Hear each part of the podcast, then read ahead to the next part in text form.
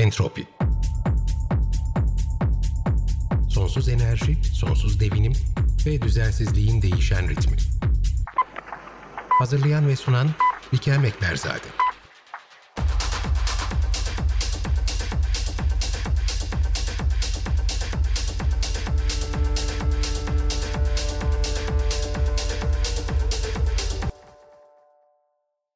Bugün günlerden 24 Temmuz 2023. Entropi'ye hoş geldiniz. Bugünkü konuğumuz bir kez daha İstanbul Üniversitesi Deniz Bilimleri Enstitüsü'nden doçent doktor Ahsen Yüksek. Kendisiyle denizlerimizi konuşmaya başlamıştık biliyorsunuz e, ve bunu biyoçeşitlilik ekseninde yapıyorduk. 2023'ün biyoçeşitlik yılı olmasından dolayı e, bu yazki bütün bölümleri entropinin kapsamına giren önemli bir konu söz konusu olmadığı sürece biyoçeşitlik kapsamında farklı ekosistemlerden size getirmeye başladım. Buna denizlerle başladık ancak konuşacak o kadar çok şey var ki çünkü malum Türkiye üç yanı denizlerle çevrili olmasının yanı sıra çok kendi iç denizi olan Marmara'ya sahip ve biz Marmara için ayrı bir program yapmaya karar verdik sevgili Asen'le birlikte. Dolayısıyla önümüzdeki iki bölüm Entropi'de Marmara'yı konuşacağız. Çok fazla konu var Marmara ile ilgili. Daha önce Entropi'nin önceki bölümlerinde buna yer vermiştik.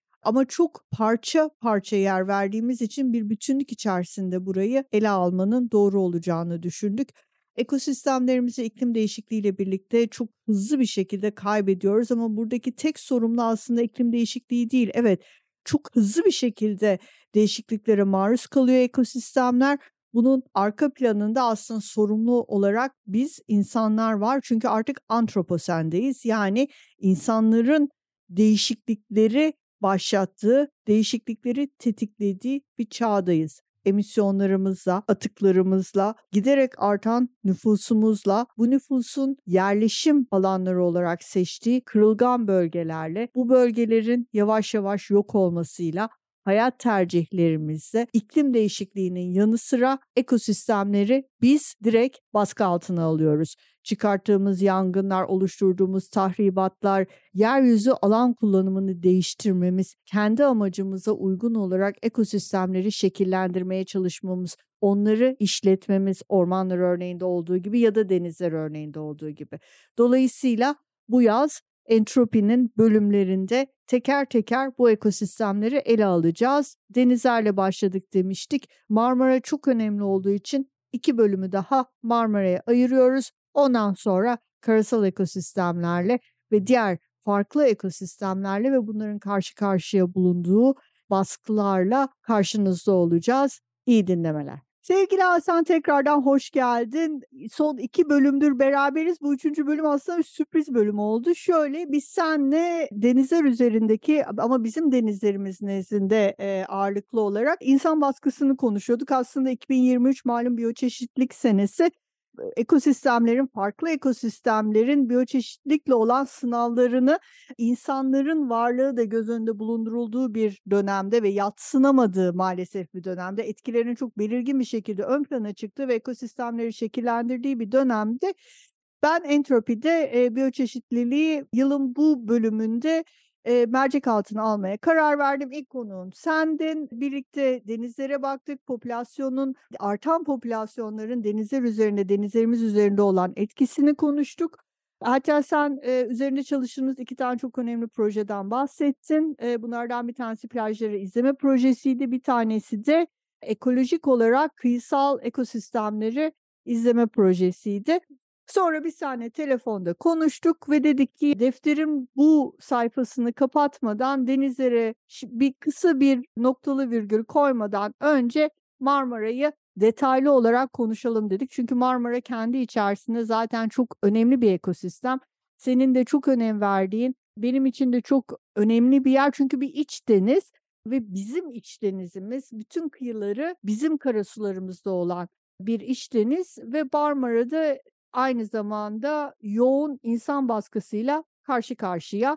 Bugün Entropi'de 23 Temmuz 2023'te ülkenin birçok yerinde karasal ekosistemlerde yangınlar devam ederken sıcaklıklar inanılmaz seviyelere ulaşmışken deniz suyu sıcaklıkları belki de kayıtlı tarihin yani bunların ölçümlerinin yapıldığı anomali denebilecek raddelere gelmişken biz denizlerimizde neler görüyoruz? Konuştuk bugün. Marmara özelinde konuşuyoruz. Mikrofon her zamanki gibi. Sen de tekrardan hoş geldin. Kırmadın. Bir kere daha geldin peş peşe. Çok teşekkür ederim. Hadi Marmara'yı konuşalım. Tekrardan merhaba. Burada olmaktan mutluyum. Konuşmaktan mutluyum. Birilerine bir şeyler duyurabiliyorsak mutluyum. Ve Marmara evet çok önemli. Niçin önemli? Çünkü Marmara çok özel bir ekosistem. Senin de söylediğin gibi dünyadaki sayılı yerlerden, e, nadir alanlardan, nadir habitatlardan bir tanesi. Çok önemli iki havzayı birbirine bağlamasından dolayı çok önemli. Biri üretkenliğin en yüksek olduğu Karadeniz Havzası, diğeri biyoçeşitliliğin çok yüksek olduğu ve dünyada rezerv alan denilen bazı türlerin, özel türlerin üreme alanları olduğunu bildiğimiz rezerv alan denilen biyoçeşitlilik bakımından önemli bir alan. Bu iki havzayı birbirine bağlayan bir bağ sistemi. Bu yüzden çok önemli. İki denizin biyoçeşitliliğinin sürekliliği için önemli. Çünkü bir yerden besin akışı geliyor, Ege'deki balıkçılığı tetikliyor. Öbür taraftan biyoçeşitlilik yeni türlerin sisteme girmesini sağlayan bir e, e, boğaz sistemi Marmara Denizi. Oradaki biyoçeşitliliğin sürekliliğini sağlıyor. Bu bakımdan özel bir denizimiz ve ekonomik bakımdan pek çok türün işte palamutlar, sardalar e, gibi uskumru artık diyemeyeceğim uskumru çünkü Karadeniz'e kadar ulaşamıyor aşırı avralıktan dolayı. Eskiden kılıç varmış, orkinoz varmış ki orkinoz son zamanlarda tekrar bir kafasını gösterip gibi oldu ama tekrardan kayboldu. Hatta değil mi Marmara Adası özellikle kılıç balıkçılığının çok yoğun yapıldığı bölgelerden birisiymiş zamanında. Evet, 1960'lı yıllarda yani bütün o otonomiyi çeviren bir şeydi. Kılıç balığı avcılığı şu anda e, Ege'den bile girilmesine türün izin verilmiyor ne yazık ki. Hatta Ee, burada bir, bir parantez açayım, bir kitap tavsiyesinde bulunalım e, dinleyicilerimize. Şu anda bir, ben de kütüphaneme bakıyorum tam yanında benim de çok severek okuduğum ara ara da yani referans kitaplarımdan bir tanesi Karakin Deveciyan'ın Türkiye'de Balık ve Balıkçılık. Balıkçılık. Gerçekten e, Türkiye denizlerinde kendisi bildiğim kadarıyla İstanbul Balıkhali'nin zamanında müdürlüğünü yapmış bir kişi değil mi? Evet, evet, evet, evet. Ve, e, yapmış. tü- ve harika çizimler olan içerisinde siyah beyaz bir kitap şeyde yayın evi de Aras Yayıncılık'tan çıkmış. Evet, E, buradan da bu vesileyle onu e, dinleyicilerimize duyuralım. E, çünkü aynı zamanda belki bugün sofralarımızda göremediğimiz birçok balığı Karakin Deveciyan sayesinde aslında İstanbul haline kadar gelebildiğini biz oradan dinliyoruz. Kesinlikle. Evet, eee, aslında Marmara'nın biyoçeşitliliğinin ve balıkçılığının ne kadar mükemmel olduğunu, ne kadar verimli olduğunu o kitap sayesinde bilebiliyoruz ve eee, gerçekten bunun yıllar sonra tekrardan basıldığı için de teşekkür etmemiz lazım. Çünkü o kitap eee, uzun zamandır kayıptı. Yani daha doğrusu Osmanlıca yazılmış bir kitaptı. Ondan sonra Türkçe'ye çevrilip e, tekrardan basılması çok önemli bir kaynak sağladı. Marmara'daki pek çok koyun durumunu, eski durumunu oradan bilebiliyoruz balıkçılığıyla ilgili. İşte söylediğimiz gibi balıkçılık bakımından son derece önemli bir denizimiz. Ekonomik türler, sadece ekonomik türler için değil, koruma altındaki türler için de çok önemli bir boğaz sistemi. Peki biz bunu nasıl kullanıyoruz? İşte aslında 60'lı yıllardaki görüntüleri internette açtığınızda hemen işte balıkçılık veya şeyle ilgili eee, Google'a yazdığınızda hemen o eski görüntüler boğazdan ağlarla balık çekilmesi, işte büyük büyük balıkların çekilmesi, pek çok türün çıktığı laminaryanın, laminarya bile varmış. Laminarya ne diye sorarsanız benim için önemli bir tür. Bir esmer türü çok büyük boylara ulaşan, metrelerce boylara ulaşan sargasso türleri gibi özel habitatlar oluşturan türler. Bunlar tıpta da çok kullanılan türler. Şu anda onların hiçbirine rastlayamıyoruz. Bunlar e, sargassoları Akdeniz'de bile kaybettik. Marmara'da da yüksek otrofikasyondan sonra kaybediyoruz tabii ki. Sistem tamamen değişmeye başladı. 90'lı yıllarda bunun ilk uyarıları verilmişti zaten. 95'te Süleyman Tuğrul'un yönetiminde Tolpan Polat tarafında yapılan bir tezde ve yayınlarda biz görüyoruz ki o zaman diyorlar ki Marmara'da çok fazla deşarj veriliyor, kontrolsüz deşarj veriliyor, ortamdaki azot fosfat artıyor. Bunun için artık dikkatli olunması gerekir diye uyarılmış ama bu uyarı hiç zaman dikkate alınmamış. 90'dan sonra nüfus 3-4 katına katlamış. Sanayi bu bölgede daha da yoğunlaştırılmış. İşte deniz ticaretine bağlı olarak pek çok sanayi özellikle İzmit Körfezi gibi akıntının yavaşladığı bölgeleri iç kesimlerine yerleştirilmiş. Çünkü bu alanlar doğal limanlar Gemlik Körfezi keza öyle. Gemlik Körfezi de arkasındaki verimli topraklarından dolayı tarıma açılmasından kaynaklı bir havza yükü oraya taşıması. Susurluk Havzası malum ve o arkasındaki büyük sanayi, Bursa'daki ağır sanayinin ve tarımın yükünü e, Marmara'ya taşıması.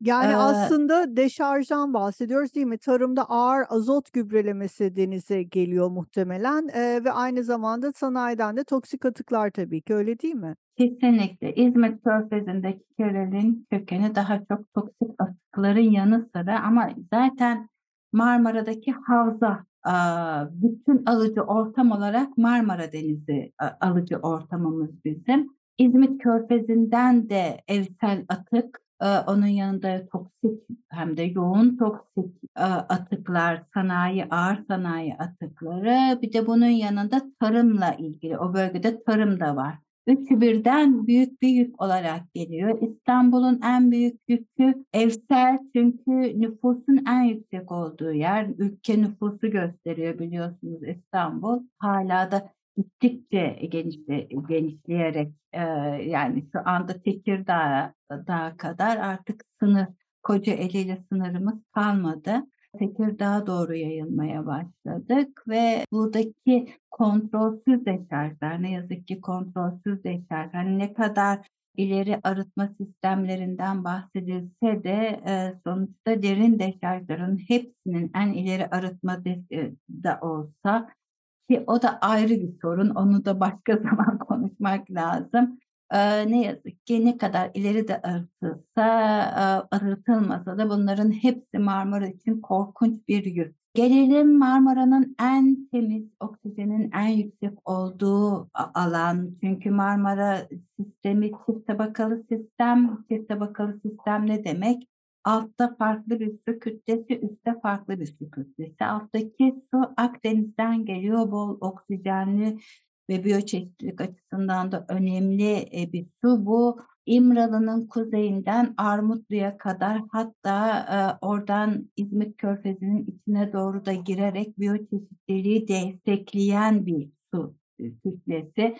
Ki eskiden bu adaları, e, Prens Adaları, Kuzey Marmara adalarındaki biyoçeşitliliği de etkileyen hep Akdeniz türleri biz görürdük. Önemli Akdeniz türleri, hassas Akdeniz türleri görürdük. Marmara'nın altındaki biyoçeşitliliği destekleyen bir e, su vardı. E, üstte de Karadeniz'den gelen bol proteinli yani yüksek kalitede plankton içeren, yüksek kalitede plankton içeren diyorum çünkü daha sonra bu ötrifikasyonla birlikte daha küçük boyda çeşitliliği daha a, a, az ama toksik sesi yüksek türlere dönüştü ve Marmara'daki problemlerin kaynaklarından biri oldu.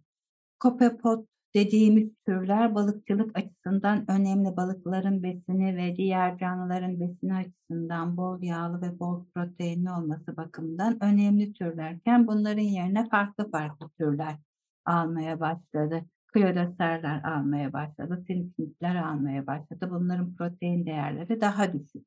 Eee, sistem tamamen değişmeye başladı. Bu, ııı, yerleşim ve tarıma ve sanayiye açılmasıyla, hani, tek tarım olsaydı belki kaldırabilecekti veya tek sanayi olsaydı belirli bölgelerde tolere edebilecekti ama bütün hepsi topyekün insan, eee, ya da in insan mı diyeyim, yönetim mi diyeyim, eee, Marmara'nın civarına saldırılması Marmara sistemini de çökertti. 90'lı yıllardan sonra özellikle 94'lerde aslında 80'de, eee, balıkçılıkla ilgili 80'de büyük bir hata yapılmış. Japonlar, eee, sisteme sokulmuş. Japon balıkçılar, endüstriyel balıkçılık diyebiliriz. Endüstriyel balıkçılığın sisteme sokulmasıyla büyük karnivor dediğimiz orkinozlar ortadan kaldırılmış. Orkinozların katledilmesinden sonra sistemde, işte, daha çok, ııı, palamut, lüfer, eee, ııı, uskumru türleri, eee, ortamda kalmaya başlıyor ve balıkçılık onun üstüne giderek o o türleri de yok etmeye başlıyor. Bir yandan ötrofikasyon artıyor. Yani ötrofikasyon artıyor ne demek? Azot, fosfat çok giriyor demek, yani besin çok giriyor. Bu da küçük canlıların ani artışı demek. Bu da plankton üstünden beslenen türlerin artışı demek. Siz ortamdan büyük pelajikleri de yani orkinozu, uskumruyu, lüferi, bu küçük balık üstünden beslenen canlıları çekerseniz, ortama da yoğun, eee, azot, fosfat verirseniz ne oluyor? Denge tamamen alt üst oluyor. Yukarıdaki tüketicileri yok ediyorsunuz, alttan sürekli ortama besin yapıcı şeyleri pompalıyorsunuz ve hamsi, çaça ve istavrit gibi türlere ortam kalıyor. Şu anda balıkçılık onların üstünden dönmeye başladı. Şimdi ne oluyor Marmara'da? Bir Aslında yan bir şekilde dur lafını kesiyorum ama enteresan yo. çünkü anlattıkların aslında bir şekilde Marmara Karadenizleşiyor balık, eee, türleri açısından baktığın zaman. Doğru mu? Karadenizleşmiyor aslında. O o da bakın ayrı bir konu. Karadeniz'de çünkü tüm balıklar için, eee, ulaşabildikleri takdirde besin var ama Marmara'da sistem öyle değil. Marmara'da aşırı planktonun olması, bir de dar bir alan olması. Şimdi Karadeniz'in yüz ölçümüyle Marmara'nın yüz ölçümünü kıyaslayamıyoruz. Daha küçük bir ortamda daha, eee, hızlı bir değişimden bahsediyoruz. Karadeniz'de 94'lü yıllarda, 90'lı yıllarda, 80'in sonu 90'ın başları diyelim, eee, belki duymuşsunuzdur bir taraklı medüz, Minemyopsis diye bir türün aşırı artışından Evet, bahsetmiştik. evet. Bundan biz hatta galiba senin katıldığın geçen seneki programda da bahsetmiştik bir ara, hatırlıyorum onu. Olabilir. Şimdi orada ne oldu? Yine aşırı avcılık sonucunda hamsi, küçük, eee, plankton üstünden beslenen türleri yok ettiklerinde plankton üstünden beslenen balık olmayan verimsiz canlılarda bir artış olmuştu ve bu ani artış besinin de bolluğuyla, eee, bütün Karadeniz'in geniş selfinde, Romanya'da özellikle o kırmızı ay hasatının yapıldığı alanlarda ekonomik bakımdan büyük çöküşler, hamside çöküş oldu, bentik yapıda çöküş oldu ama dok 90'ların işte 94'ten sonra sistem kendini toparladı. Tüm Karadeniz'de değil ama Karadeniz'in Romanya, eee, kıyılarında, Bulgaristan kıyılarında çok büyük çöküşler oldu. Türkiye'de olmadı. Karadeniz için konuşuyorum. Neden olmadı? Çünkü Karadeniz'de şartımız bizim kısa. Kısa olması akıntı sistemiyle birlikte o yüksek oranda kitlesel ölümlerden kaynaklanan organik maddenin dibe dipteki yapıyı bozmasını engelledi ve pelajik sistemde kendini çok çabuk toparladığı için biz bu büyük çöküşleri yaşamadık. Ama Marmara'da öyle değil. Marmara bizim bütün şerfimiz kapalı bir havza gibi düşünebiliriz. İstanbul Boğazı ve Çanakkale Boğazı alttaki su değişimini, eee, sağlayan sistem. Buradaki yüksek oranda organik madde dibe çöktüğünde dipteki yapıyı bozuyor. Bu dipteki yapının bozulması da ne demek? Oradaki bakteriyel faaliyetin artması, sınırlı oksijenin hızla tüketilmesi ve biyoçeşitliliğin hızla yok olması. Şimdi demin Karadeniz geçiyor dedin ama aslında öyle değil. Marmara'da sıcaklık da artıyor, tuzluluk da artıyor dipte özellikle ve bu Akdeniz türlerinin Marmara'ya kadar gelmesine sebebiyet veriyor. Ama Marmara'nın altındaki kötü koşullar bazı istemediğimiz türlerin aşırı artışına sebep olurken tek tür hakimiyeti oluyor ki tek tür hakimiyetinde ne ekosistemciler istemiyor. Neden? Çünkü kırılganlığı artıyor. Hani yangınların sebeplerinin altında da biliyorsun tek tür var. Yani karasal anlamda bunu düşünürsek hani bu geniş tarım arazilerinde tek türü istemiyoruz. Neden? İşte toprağın da kalitesini bozuyor, kırılganlığını artırıyor. Onun için biyoçeşitliliği destekleyen, ekosistemi destekleyen, tür çeşitliliğini koruyabildiğimiz küçük alanlarda tarımı destekliyoruz veya ormanlarda tür çeşitliliğinin artışını istiyoruz. Bitki orman altı bitki örtüsünde hem de ağaçlarla ilgili. Aynı şey denizde istiyoruz.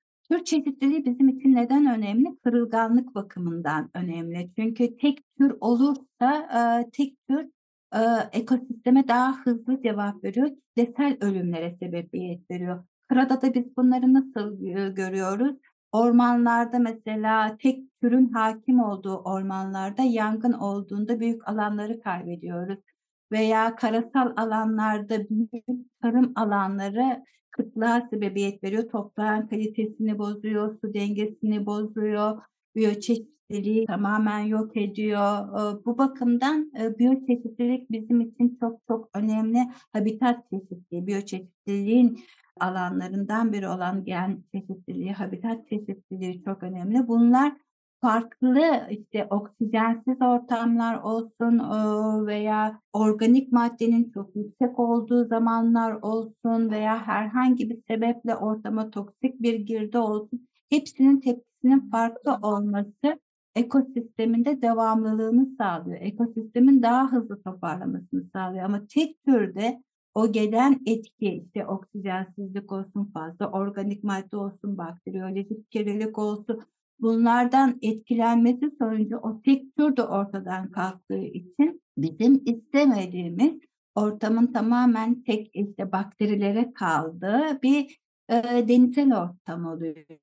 Bu da kırılgan ve sağlıksız ekosistemler diyoruz. Biyoçeşitlilik bu bakımdan önemli. İklim değişikliği zamanlarda işte çok konuşuyoruz. İklim değişikliğin altındaki nedenlerden biri de işte sıcaklığa tolerans gösteremeyen türlerin ortamdan çekilmesiyle biyoçeşitlikteki zayıflama ve kırılganlığın artması özellikle bunlar da nerelerde oluyor? İnsan baskısının yoğun olduğu bölgelerde oluyor. Aynı Marmara'da olduğu gibi. İstersen Özellikle... şöyle yapalım. Ben tekrar şimdi senin sözünü kesiyorum. Çünkü bir bağlama yapacağız. Bugünkü program zamanımız doldu.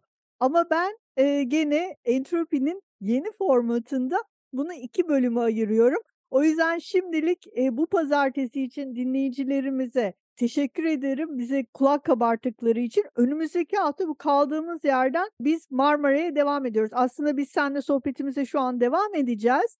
Ama e, entropinin bu haftaki bölümü burada sona eriyor efendim. Önümüzdeki bölümde iki hafta sonra aynı yerde Açık Radyo'da aynı saatte görüşmek üzere.